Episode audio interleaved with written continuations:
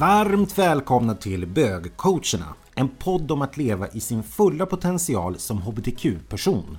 Och eftersom vi själva är bögar så kommer det bli en hel del bögsnack. Men självklart är mycket gemensamt för hela hbtq-familjen. Även du som till exempel jobbar med eller närstående till någon av oss hbtq-personer kan säkert ha nytta av att lyssna, få inblick i vår värld med tankar, känslor och utmaningar i livet. Vi hoppas på givande och underhållande timmar med oss. Bögcoacherna i samarbete med Bögarnas Paradis. En Facebookgrupp med syfte att motverka utanförskap. Hur går det Andreas? Jag har ju frågat nu ganska många gånger om du har hunnit skaffa en älskare. Har du hunnit skaffa en älskare? Oj, nu kommer den frågan igen också. Nej, jag har inte skaffat någon älskare. Så! Okej. Okay.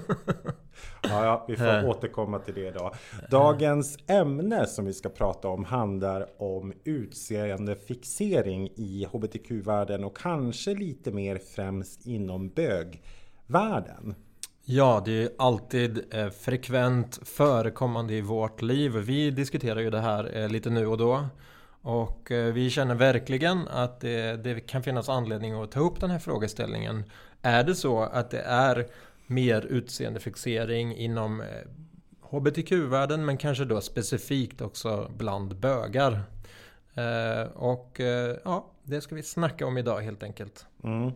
Jag googlade lite grann på det här ämnet och bara för att kolla vad finns det? Finns det några smarta människor som har skrivit rapporter om det? Och jag hittade faktiskt på, ja, landade på en sajt här i Stockholm som handlar om ätstörningar. Som refererade till två olika rapporter där den ena visade på att Svar ja. Vi har, om man då kopplar utseendefixering i den formen som till ätstörningar att HBTQ, och då var det faktiskt främst män som hade en större del utav problem med mat kontra kvinnor. Där låg man ungefär likadant. Det spelar ingen roll om man var homosexuell eller heterosexuell eller bisexuell. Det var ju lite intressant faktiskt. Ja men verkligen, då bekräftar det ju lite grann eh, vår, våra tankar eller känslan av, av att eh, utseendet spelar stor roll och man bryr sig mer om ja, med vikt och, och ja, träning och sådana saker. Eh, om man är inom klientelet HBTQ och är man.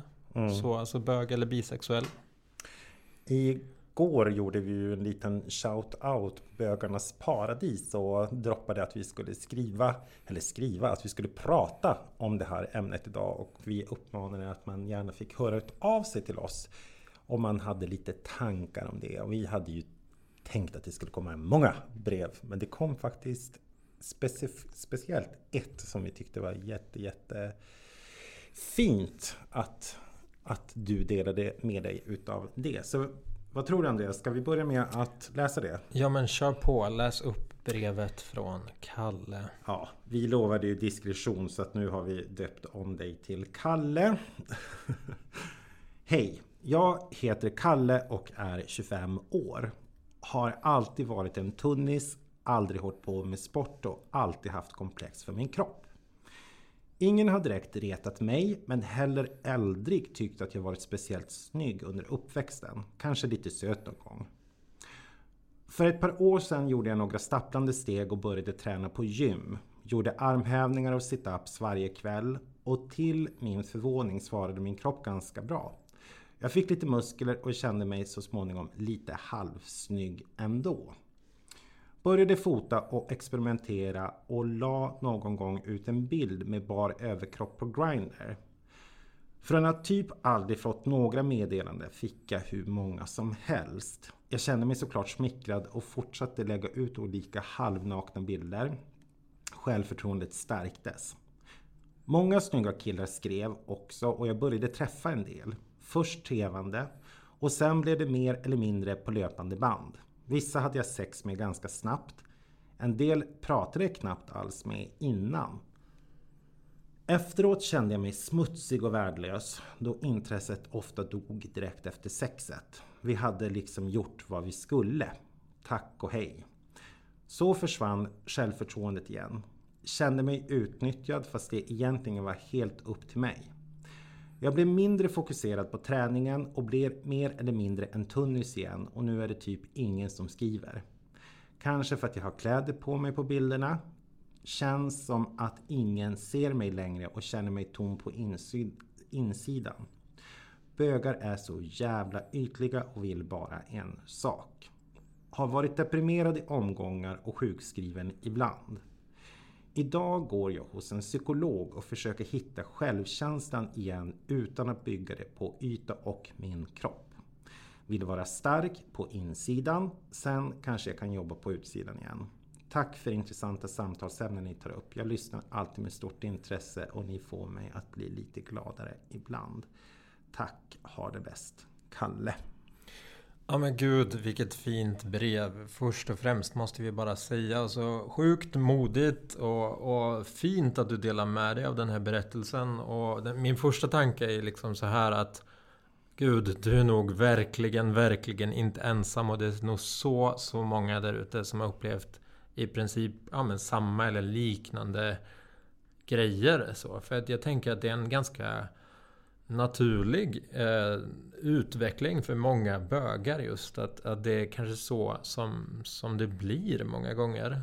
När man börjar så här famla och treva och ska komma ut och börja träffa killar och ja, hur gör man och hur får jag uppmärksamhet och det med bekräftelsebehov som vi alla har mer mm. eller mindre. Det är också någonting som man tänker är så här lite fult att ha bekräftelsebehov men vi har ju alla alla människor har ett bekräftelsebehov och sen bekräftas vi ju vi får bekräftelse genom olika saker. Antingen ytliga saker, vår kropp som det handlar om i det här fallet med Kalle då. Mm. Eller för att vi är smarta, intelligenta eller sjunger bra eller vad vi, vad vi nu gör. Men någonting gör ju att vi bygger vår självkänsla. Mm. Eller självförtroende. Och där kanske man ska vara tydlig med vad skillnaden är då? Ska vi ta den kanske? Ja, gör det. Självförtroende handlar ju om eh, mer specifikt kopplat till en specifik egenskap eller en, en specifik eh, kunskap, eh, prestation. I det här fallet så har ju Kalle gott självförtroende för att han har en fin kropp just när han har bra självförtroende. Mm. Men det kan som till exempel, som jag nämnde, det kan handla om att man har gott självförtroende rörande sin sångröst eller att man är duktig på matte eller vad det handlar om. Medan självkänsla är mer en generell uppfattning om sin, sin, ja, sin, själv, ja, sin självbild eller hur man tycker om sig själv, liksom rent generellt, utan att det är kopplat till prestation. Mm. Det där är, det är så klurigt det där med att mm. när jag fattade skillnaden för många år sedan så blev mm. det en jättestor aha-upplevelse. Ja. För man kan ju ha verkligen själv, bra, superbra självförtroende i vissa saker och dåligt självförtroende i andra saker. Och samma sak mm. med självkänslan kan jag uppleva. Den kan ju vara, jag kan känna mig trygg och ha stor självkänsla i vissa sammanhang och så i andra grupper kanske inte lika. Ja, fast självkänslan är ju mer eller mindre stabil. Alltså den är mer stabil. Mm. Eh, och det är en sorts grundplåt som man har. så. Mm. Medan eh, självförtroendet verkligen kan skifta i olika sammanhang. Men, men varför är det viktigt att ta upp då? Och, och jag tänker att det är viktigt att att jobba med sin självkänsla just. Att skapa den här stabilare grundplåten och lära känna sig själv och förstå sig på sig själv och varför man mår bra och vad som får mig att må bra rent generellt utan att behöva få bekräftelse via till exempel eh, att träna stenhårt och få sexpack på magen liksom och, mm. och få bekräftelse genom det. Men för det, det, gör ju en också mer sårbar om man inte har en god självkänsla i botten. Och i det här fallet så beskriver ju Kalle att, att han utsätter sig för, för situationer som får honom att må dåligt. Mm. Och hade han haft en bättre självkänsla i grunden så kanske han också hade klarat av att hantera den här situationen på ett bättre sätt. Men nu blir det ju mer Ja, det blir jobbigt för honom för att det finns liksom inte där i botten. Mm. Och ja, Sen brukar man också prata om någonting som kallas för självmedkänsla. Har du hört talas Nej. om det? Eller self-compassion som man säger på engelska. Det kanske du har hört talas om? Mm. Då? Ja, och det, det handlar ju eh, mer om att, att man ska vara... Alltså, att man ska vara snäll med sig själv. Att man ska vara snäll mot sig själv och med sig själv. Att man ska tycka om sig själv och inte vara så hård och dömande mot sig själv. Ehm, Så det är ytterligare ett begrepp man kan fundera lite grann på om man nu ska göra det ännu mer komplicerat. Ja men verkligen. Men jag Ja. menar det är ju så fruktansvärt svårt och komplext när det kommer till alla Mm. de här bitarna. Och speciellt när vi kopplar på, för det är ju faktiskt lite som Kalle skriver också, att det blir ett litet självskadebeteende. Ja, Att man börjar få bekräftelse på ett sätt som man först tycker om och det känns, nu är jag Mm. någon och nu, ja. Och så sen så är det inte egentligen kanske sexet man är ute efter i det här fallet. nej, utan kanske ra- rakt av då bekräftelse. Som Mm. många av oss kanske är svältfödda med. Mm. Eh, För har man varit utsatt under uppväxten eh, så kanske man inte har fått den tillräckliga dosen av bekräftelse som vi alla som sagt behöver. Mm. Och då, då är det rätt lätt att komma in i det där. Hur får jag snabbt bekräftelse? Och det kan vi få på massa olika sätt. Men, men det är väldigt, väldigt lätt att hamna i det här tror jag med, med ytan liksom. Mm. Och jag tänker också att det där är väldigt starkt kopplat till manlighet också. Har du Mm. funderat på den? Ja, alltså både och. För jag har ju erfarenhet. Jag har ju jobbat många år som jag har berättat att jag började min karriär som frisör. Men sen så har jag jobbat som stylist i nästan åtta år. Både här i Sverige och ute i världen. Och då jobbat med modeller.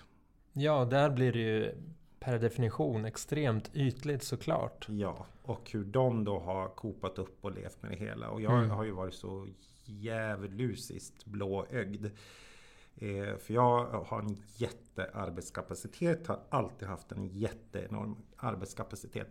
Och när man åker iväg och på plåtningar eller gör musikvideos eller sådana där saker. Det finns, facket gråter ju. Du jobbar ju tills du är klar. Så Mm. man kan ju hålla på och jobba kanske två dagar. Och man slänger sig ner på någon soffa och sover och lite sådär. Och jag har ju alltid tyckt att det där varit så kul. Så jag kickar ju på kaffe och cigg på den tiden.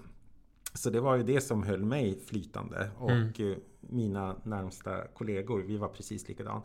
Tills det började gå upp för mig att men de flesta gick ju på kokain. Och det Mm. var verkligen så. Och då fick jag en sån himla avsmak för den världen. För det blir lite så här, vad... Ja, men det är klart. Vad är man beredd att göra Vad för, att, beredd att göra? för att få den här bekräftelsen och de här kickarna som man behöver för att ja, Mm. få den här bekräftelsen just för, för någonting som är väldigt ytligt. Ja, Ja. ja. det är helt sjukt att det är så. Mm. Och det här med självkänsla då, att man verkligen stärker upp och jobbar med sig själv för att liksom ha en kapacitet att motverka det här bekräftelsebehovet som kanske finns för specifika områden eller så. Mm. Så att man inte gör sig själv illa. Och där kommer ju det här självmedkänsla in då. För att det är ett sätt som du kan använda dig av. Ett tankesätt att du verkligen tänker att du ska vara snäll med dig själv och inte döma dig själv. Och på så vis ja, tycka ja, men jag är okej som jag är. Jag är en bra människa. Så som jag är. Och när man väl har kommit till att man tycker det verkligen Mm. eh, på olika sätt. Eh, men mindset, det handlar ju om ta- tankesätt och inställning till sig själv. Och när man verkligen kommer dit så stärker man sitt självförtroende och eller man stärker sitt själv, sin självkänsla. Och eh, då kan man också kanske också utsätta sig lite mer för tuffare situationer. Liksom. Man är bättre rustad för livet helt enkelt. Mm. Men hur tänker vi då? Alltså om man tittar på, ja men kanske specifikt då bögvärlden som är ganska hård och rå och vi brukar prata just om manligt kontra kvinnligt. Mm. Om man ska faktiskt göra det. Att män kanske är lite mer visuella. än kvinnor. Våra lesbiska tjejkompisar de kommer prata om ibland att de är lite avundsjuk på gayvärlden som kan vara lite mer pang på i interaktion med, med varandra. Ja. Medans inom den kvinnliga världen kanske det behövs lite mer finess en del gånger. För att komma till, nu pratar jag sex. Eh, det kanske var inte... Obvious, nej. ja, nej, alla kanske inte hängde med på det. Men så bra att du förtydligar. Mm. Um, vi pratar sex. Och att män då skulle vi säga eh, är mer pang på rödbetan helt enkelt. Och i vårt fall mer pang på auberginen. Eller persikan. Ja. Nej men och, det, och då blir det ju, ja.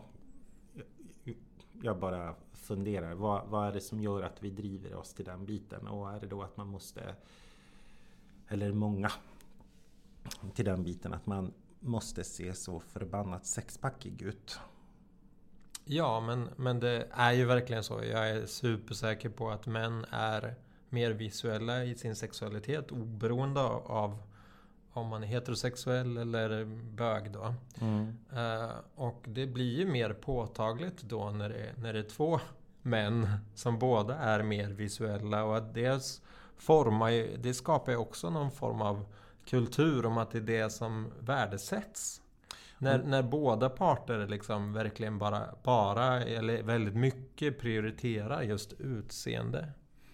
Eh, och då det är det du menar med visuell? Alltså. Ja, att, mm. man, att man går väldigt mycket på yta, utseende och det man ser. Eh, mm. Snarare, jag kan ju bli avundsjuk på kvinnor ibland som, som har mer tillgång till alla sinnen eh, i sin sexualitet. Och, ja, eller attraktion kan man ju prata om det. Självklart har jag väl också tillgång till det. Men, men jag kan ju också så här, tycka att jag blir lite för fokuserad på eh, att ja, när man ser en snygg snubbe på bild helt enkelt så blir man bara wow. Mm. Men att andra delar som man kanske tänker är, är mer och högre prioriterat i, i, inom attraktionen för kvinnor. Att jag också skulle vilja eh, ha mer av det. En sån här tydlig faktor, det, det är väldigt tydligt i traditionella könsmönster så brukar man ju säga att en man vill ha en ung snygg kvinna, ett kuttersmycke, någon som är så här, ja, någon som han kan visa upp för världen och då är han nöjd och glad. Mm. Medan en kvinna mer söker en trygg och stabil man som kan ta hand om kvinnans avkomma, skydda Eh, barnen från, från hot från omvärlden. Och det där är ju rent biologiskt så är det ju faktiskt så att, mm. att vi söker utse Mannen söker utseende för att han vill sprida sin säd. Ja. Mm. Och kvinnan söker en trygg och stabil man som kan skydda sin avkomma från hot. Så att det finns ju någonting naturligt i att det är som det är. Och då, om vi då kommer in på bögvärlden som sagt så, så blir det ju då trots allt två män som vill, vill sprida sin säd om man ska dra det till, sin, ja, till det yttersta. Men jag funderar också, för i den här studien som refererade, nu var den dock från 2007 fast det fanns en från mm. 2015 också som ändå bekräftade vad, ja. vad den skrev. Och då var det ju förhållandevis unga män som det handlade om. Och där funderar jag också, hinner det då hända en sak? Det är klart när vi blir äldre, vi hinner få jobba med vår självkänsla vårt självförtroende och vi utvecklas som personer, vi når mm. en mognad. Det är klart att det blir andra värderingar som blir styrda mm. på, på sikt. Men för den sakens skull så vill man ju ändå plocka upp de som är i riskzonen, de unga. Att hur kan man nå en en större nöjdhet med sig själv och kunna kapa bort. Ja, precis som Kalle skriver. Ja, det är ju alltså så himla eh, klokt så kloka reflektioner runt liksom ja, hur det har varit och så ärligt och fint beskrivet så man blir bara så här rörd. Mm, jag tycker det här är jättebra. Alltså idag går jag hos psykolog. Och det är väl också en sån sak att inte våga Alltså att våga ta hjälp. Alltså det är ju, det är ju någonting som förut var väldigt stigmatiserat att gå och prata om psykisk ohälsa. Eller att känna att nu känner jag mig ledsen och jag kan faktiskt inte riktigt reda ut det här själv. Och att på det sättet också kunna stärka upp sig och kunna sortera tankar och, och få ett spår i livet igen. Mm. Men samtidigt, alltså när man kör i diket och, och blir så här för att ja, hitta en sund sexualitet. För där återigen så kommer vi till det här eviga temat som vi också pratar inom våran inom bögcoacherna. För det är just det där att när man har kommit ut och man har arbetat på, det kan ju vara många gånger så att, att det har varit folk som har, har varit och tafsat på din sexualitet. Mm. Och det är, i sin tur kan ju bli ett uttryck att, att man kan bli destruktiv i Ja, alltså hur man ligger runt helt enkelt och söker bekräftelse.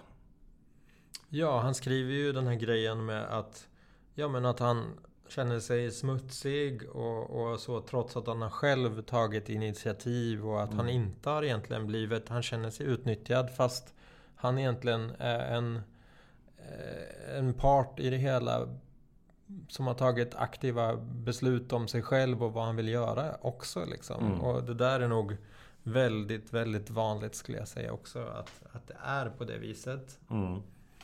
Uh, så jag tänker att Ja, att, att det är inte är en faktor för välmående. Att, att man själv fattar beslut. Man behöver inte bli utnyttjad för att känna dåliga känslor liksom, eller jobbiga känslor. Uh, för vi alla vill ju liksom bli älskade och bekräftade för dem, de vi är. Och sen i vissa situationer då så blir vi bara älskade för stunden och känslan är att vi blir utnyttjade fast vi kanske egentligen har en ganska reko deal och att man har gjort precis som man kom överens om. Liksom. Mm. Uh. Jag tror ju någonstans nu ska ni lyssna pojkar här på en, en gammal farbror. Nej men alltså min övertygelse, det var ju det vi började det hela om. Alltså när det, speciellt när det kommer till sex. Visst tusan kan det väl vara roligt då att busa runt. Alltså lite nu och då. Så. Men i en singelperiod, alltså det är ju inte speciellt kvalitativt att dra hem någon efter krogen eller att man har något grinder som man bara hookar upp. Kanske någon gång att det kan vara kul och busigt och spännande och hela den biten. Mm. Men det, jag kan bara tala för mig själv. Nu har jag ju varit i relationer under en ganska lång tid. Och sen så, ja, nu har jag ändå varit singel ett bra tag. Och jag plockade upp det, det jag gjorde förut. Alltså skaffa eh, riktigt bra älskare. Pluralis. varför, ja. varför är en när man kan ha flera? Nej, men och med det tänker jag för att eh, att få det här fantastiska utbytet av, av människor som man faktiskt lär känna om man har en överenskommelse. Att man får den här fantastiska närheten när man tar på varandra, man känner varandras kroppar, man uppskattar varandra, man går igång på varandra. Man får ha sex, för det är också jävligt nice. Men man, ja, man kan börja landa, man delar typ allt utom att man vaknar tillsammans och man eh, är inte, älskar inte varandra. Och det ja. tycker jag ju är fantastiskt, fantastiskt bra. Ja, jag tycker ju också det när man ser på det rent objektivt. Så jag bara, ja men det hade ju varit bra, undrar varför inte. Men jag har ju liksom de gångerna som jag ändå har haft någon form av liknande relation med någon som har varit älskare. Men någon som jag har träffat återkommande men där det ändå känns att det är ömsesidigt, att det kommer inte bli någonting liksom.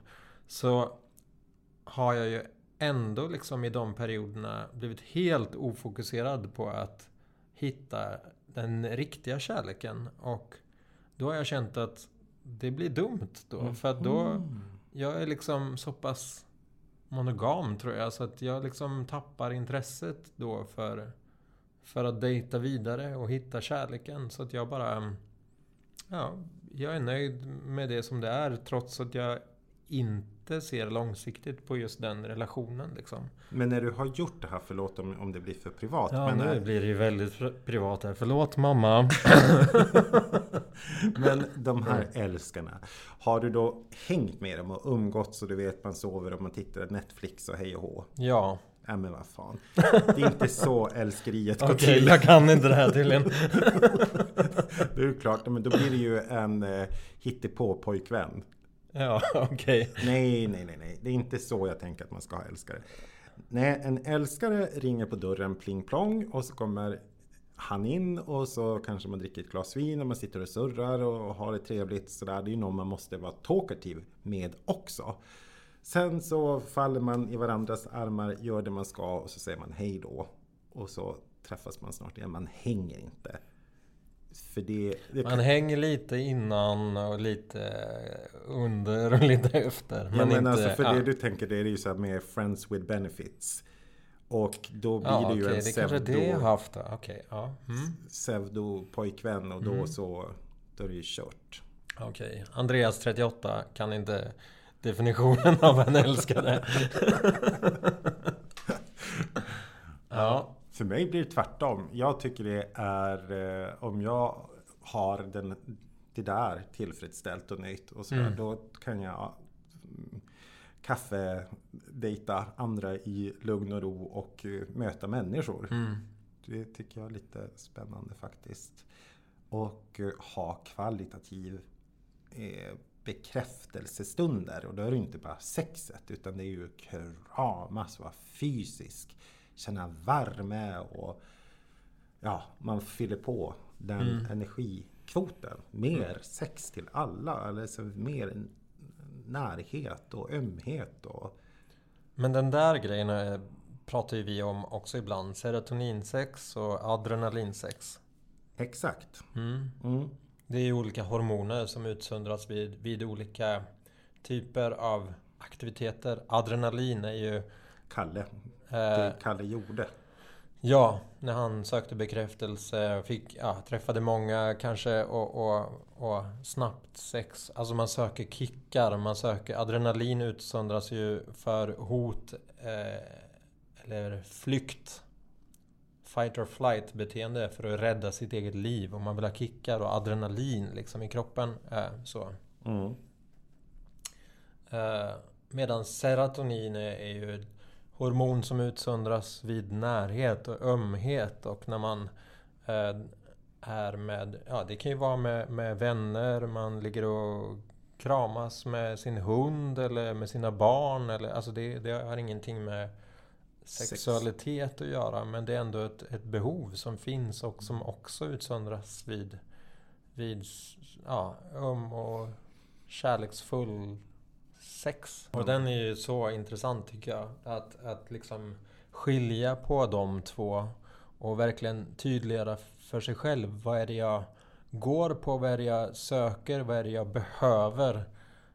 Går jag kanske på eh, och söker adrenalinsex fast jag egentligen behöver serotonin? Mm. Eh, För det är nog väldigt vanligt Mm. eh, att man gör det, Mm. kan jag tänka mig. Men ja, men nu kommer vi ju liksom lite grann in på ämnen som är relevant. Men, men just det här med kroppsfixering var egentligen ämnet för Mm. dagen. Mm. Så...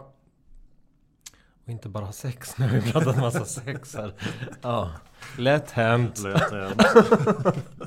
Men ja, kroppsfixering om vi inte ska prata sex då? Mm.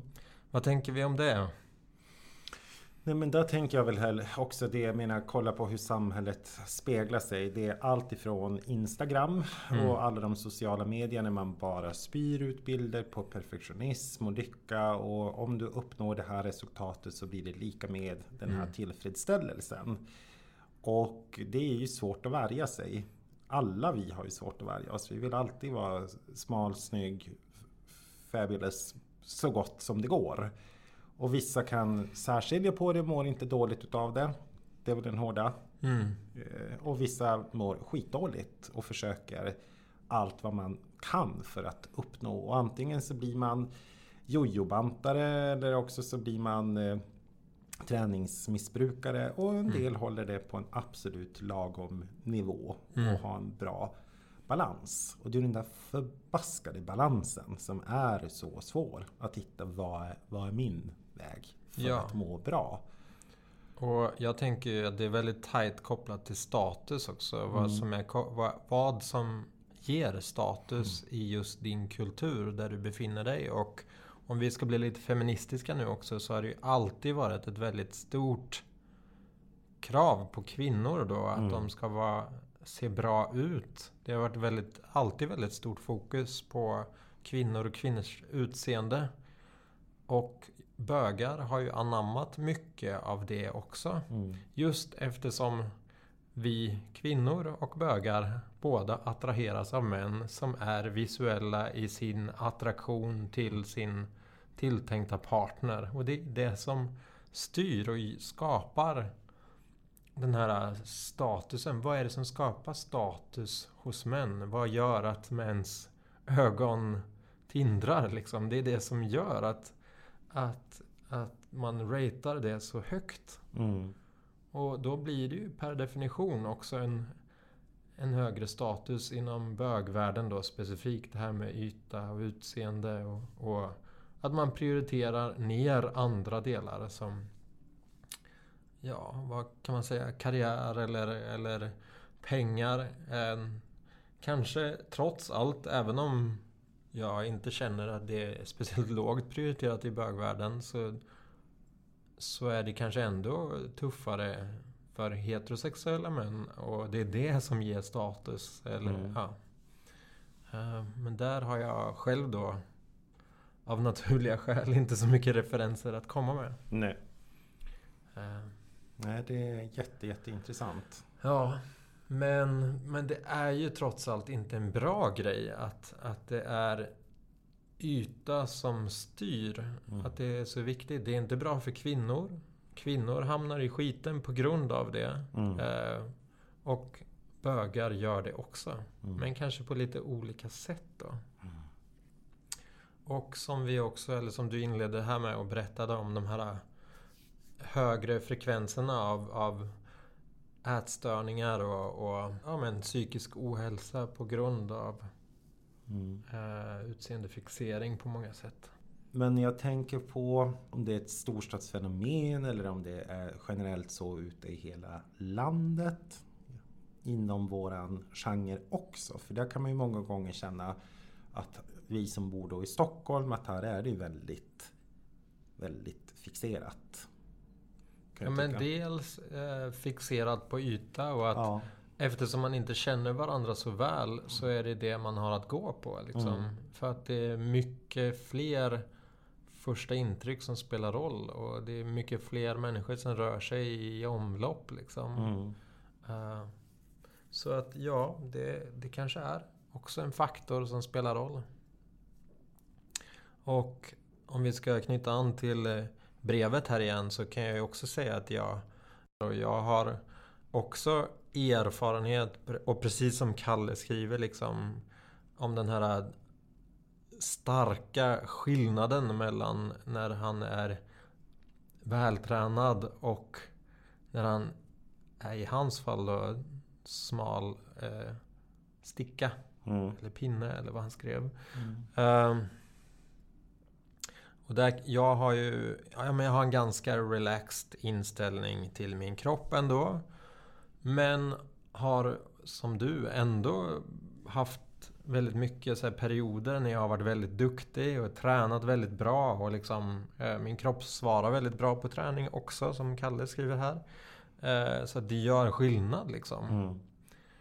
Och, och samtidigt andra perioder, men samma som du liksom. Man, man jobbar mycket, man prioriterar andra saker helt enkelt. Och träning faller lite... Eh, ja, det blir nedprioriterat. Och så älskar jag ju liksom god mat. Och ja, unna mig. Så att ja, jag blir också lite små tjockis ibland. Samtidigt som jag är väldigt glad över att kroppen ändå svarar när man är nyttig. Men kontentan av det har ju blivit att jag på ett väldigt påtagligt sätt har upplevt just exakt det här som Kalle beskriver. Att vilken skillnad det är när man är i form och inte liksom. Mm. Hur blickar sugs mot en Pratar löpande vi band. uteställe nu eller allmänt generellt eller? Ja, men dels där det är mest påtagligt är ju på uteställen, Mm. eh, på gayställen Mm. eh, och på apparna då, där man, ja, datingappar. Mm. Eh, om man har en bra bild och man ser lite vältränad ut eh, jämfört med en vanlig bild Mm. så är det så sjukt stor skillnad. Och samma sak när man är ute på krogen. När man är i så normal form jämfört när man har kämpat och jobbat på med det där med träningen ett tag. Och sen är det liksom bara som att... Och samma människor också som man har blivit liksom så här... Ja men det känns som att man har varit luft och genomskinlig. Och helt plötsligt så bara, ja men hej Andreas, ja men gud vad kul att se dig. Ja, mm. Och ögon fransarna fladdrar och ja, du vet så här. Men vad känner du då? Känner du att du inte tycker, tycker du att de är små ytliga råttor? Eller blir du, går du igång på de här killarna? Eller? Nej, men jag kan inte säga, alltså jag kan inte säga att jag klandrar dem. Mm. För att det är trots allt så attraktion fungerar. Mm. Men jag tycker att det är så viktigt att, att reflektera över beteendet ändå. Mm. Att det händer. Att det är så vi fungerar och hur vi då kan motverka att må dåligt i de situationerna. Och, och omvänt då, sen när man har blivit så här uppmärksad, uppmärksammad av de här killarna och sen blir lite småfet igen när hösten kommer. så, så blir man som luft igen liksom. Ja. Och det är väl det, det som... Ja men det skriver ju Kalle här också. Att, att helt plötsligt så är det, hör de inte av sig igen. Liksom. Mm. Och, och den känslan är ju sjukt oskön. Och den blir ännu mer sjukt oskön om man har dålig självkänsla i botten. Så det är där man verkligen behöver jobba med sin självkänsla och sin självmedkänsla och liksom inte känna att mitt egenvärde baseras bara på mitt, mitt utseende. Mm. Och det är väl liksom kontentan av det hela skulle jag säga. Mm. Att, att det är så viktigt att jobba med sin självkänsla för att inte sjunka ner till den nivån att man faktiskt mår psykiskt dåligt av den värld som vi lever i. Mm. Och som kvinnor har levt i, i alla år. Alltså vi kan ju inte rå för vilken attraktion vi har. Vi kan inte klandra oss själva eller Mm. varandra för att vi går igång på det vi gör. Utan Nej. det är ju bara som det är. Men det vi måste göra är att rusta oss för att, för att eh, klara av det förhållandet. Och samtidigt jobba med eh, att försöka ändå vara schyssta med oss själva. Mm. Men också mot varandra. Återigen att man backar bandet lite grann till sig själv. Och så, om vi pratar om personlig utveckling och landa i sig Mm. själv och i sin kropp. Att varför gör vi de här sakerna? Vad får mig att må Mm. bra? Jag mår ju som absolut bäst när jag har ordning på mitt liv. När jag verkligen tränar, äter bra, sover rätt. Mm. eh, Och dricker lagom med alkohol och, och hela den biten. Och de perioderna i mitt liv där lyckas, ja men då är man ju på toppen Ja. men eh, att försöka fokusera mer på det. Vad får mig att må bra? Och att vi inte vågar rata Mm. bögnormen då kanske. Om det nu är en norm. Ja, men att, eh, att reflektera över att den finns där och att det ser ut som det gör. Och vi måste acceptera läget om vi vill befinna oss där. Sen är det ju många verkligen som väljer bort både apparna och går aldrig på gayklubbar och accepterar inte de miljöerna och förutsättningarna för att de förstår väl att de inte mår bra av det. Eh, Och det är det säkert. Rent långsiktigt så är det ju kanske inte jättehälsosamt. Men, men är man okej rustad för det så klarar man ju av det. Liksom det nu beskriver vi det som att det är värsta hemska världen. Alltså det, det är ju fint och trevligt och bra på många sätt också. Mm. Men ja. Det, det är aspekter som jag verkligen tror att man behöver tänka på och reflektera över. Och om man pratar just specifikt om personlig utveckling så brukar man prata om att, ja, att jobba med sin självkänsla och om man är utifrån styrd eller inifrån styrd. Mm. Um, och alltså, är man utifrån styrd då, då påverkas man väldigt mycket helt enkelt av saker som händer runt omkring. Mm. Till exempel om jag blir ratad på krogen så påverkas jag väldigt mycket av det. Mm. Jag påverkas väldigt mycket av till exempel image. Eh, vad som är mode och trendigt och hur jag ska vara och hur andra förväntar sig att jag ska vara i olika situationer och hur jag ska anpassa mig till, till olika miljöer och vara på ett sätt när jag är med min familj och på ett sätt när jag är med mina vänner och ett sätt när jag är i staden och ett sätt är på landet. Och mm. så Man påverkas väldigt mycket av miljön utifrån. Medan som man är inifrån styrd så är man mycket mer landad i sig själv. Man har koll på sina egna känslor och sina egna värderingar och vad som är viktigt för mig och vad jag, ja, vad jag mm. värderar högt helt enkelt. Och vad mm. som, hur, hur jag ska agera i olika situationer. Jag har koll på mig själv. Jag är landad. Och eh, är jag det, är jag mer landad i mig själv och vet verkligen vem jag är och känner mig själv väl då påverkas jag inte så mycket av saker som händer i min omgivning. Jag kan ta en diss på krogen med en klackspark. För att jag liksom vet att ja, men han tafsar inte på min självkänsla liksom. Utan mm. jag blev bara dissad för att han inte var attraherad av mig. Men ja, okej. Okay, mm. Skit i det då liksom. Mm. Och det är det du lite grann säger att man inte ska ta det så hårt. Mm. Men ja, absolut. Men då krävs ju också att, att någonting för att det ska bli så. För, för det är inte så himla lätt att bara tänka att det ska bli så och så blir det så. Nej, nej, det måste ju finnas en actionplan och en ja. Landa i. Precis. Så då bör man alltså jobba med att landa i sig själv genom personlig utveckling och, och reflektera över vad som är viktigt för mig och värderingar och hela den här biten då. Ja. Jag tänker också det, för det är visst tusan. Jag menar, jag är ju voluminös som vi har pratat om flera gånger. Gud, ni som inte känner mig måste tänka att jag ser ut som en gargamol. Ja. eh, och eh, visst, absolut skulle jag vilja ha en sixpack och hela den biten om jag hade haft den orken och, och stå för att jag tycker mm. att ja, det var snyggt som tusan. Men också med den vetskapen om att ja, men det man, när man om man pratar i relationer och träffar människor. Det är väl ändå så, i alla fall för mig, det är ju väldigt mycket insidan som räknas. Visst kanske det till ett första impression kan vara utsidan som gäller. Men för mig så blir ju en person som är vacker och fantastisk som jag tycker är fin, blir ju den absolut snyggaste människan någonstans när man har ett genuint möte som kanske går över mer i kärlek. Det... Ja, men verkligen. Alltså, det finns inget som är så tråkigt med någon som är snygg på bild, kanske på stillbild och så träffas man och så märker man att bara, ah, okej, okay, det fanns ingenting av intresse här liksom. Nej. För att det är bara platt. Ja.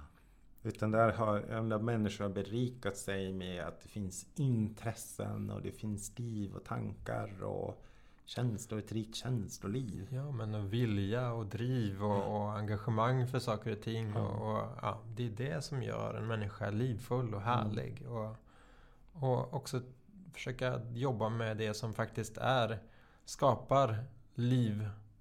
En livfull människa för mig själv också. Så här, mm. Vad går jag igång på i livet liksom? Så. Ja, vi börjar faktiskt närma oss vårt slut. Det har varit ett fantastiskt intressant samtal som utmynnar sig från, från ett väldigt spännande mail. Ja, och det känns som att vi skulle kunna babbla på om just det här hur länge som helst. Men någon gång får vi väl bryta kanske. Tre timmar till. ja. Ja, men jätteintressant att ni har, eller jätteintressant. Tack för att ni har lyssnat menar jag. Ja, och tack Kalle för ja. att du skriver ett så, så fint brev. Och jag hoppas verkligen att du och alla andra där ute som kanske har upplevt lite liknande situationer eller ja, någonting liknande har fått med er någonting av det här samtalet som vi har fört här. Ja men precis. Och skriv jättegärna reflektioner. Hör av er om, om ni har kommentarer eller tankar på andra saker som är angränsande eller sådär. Som, som, ja, som ja, tankar som väcks helt enkelt. Och på tal om det, det vill jag faktiskt nämna att tänk också för guds skull att om det är så att de här äh, utseendefixeringen har blivit eh, till en mer sjukdomsbild. Ta hjälp. Det finns så himla mycket bra hjälp. Jag tänker allt ifrån, vi har fantastiska, jag vet inte, ja men HBTQ mottagningar och över hela landet. Ja. Som är specialiserade för att Gayhälsan tror jag det heter i Stockholm i alla fall. Ja. Eh, så man kan få hjälp, eh, psyko psykologhjälp helt kostnadsfritt. Det är fantastiskt ja. fin service från samhället. Verkligen, för att alla förtjänar att må bra och har man fastnat i något beteende som man inte känner att man vill ha och man tar sig inte ut det själv. Då ska man inte hålla på och kämpa själv utan då ska man faktiskt ta hjälp. Ja, och du är okej. Okay. Tänk, försök tänka att du är okej okay, precis som du är. Vill ni följa oss så gör ni det på Instagram på bögcoacherna och vill ni mejla oss så gör ni det på bogcoacherna gmail.com Ha en fantastiskt fin vecka. Ja, ha det bra. Ha det gott. Hej då. Hej då.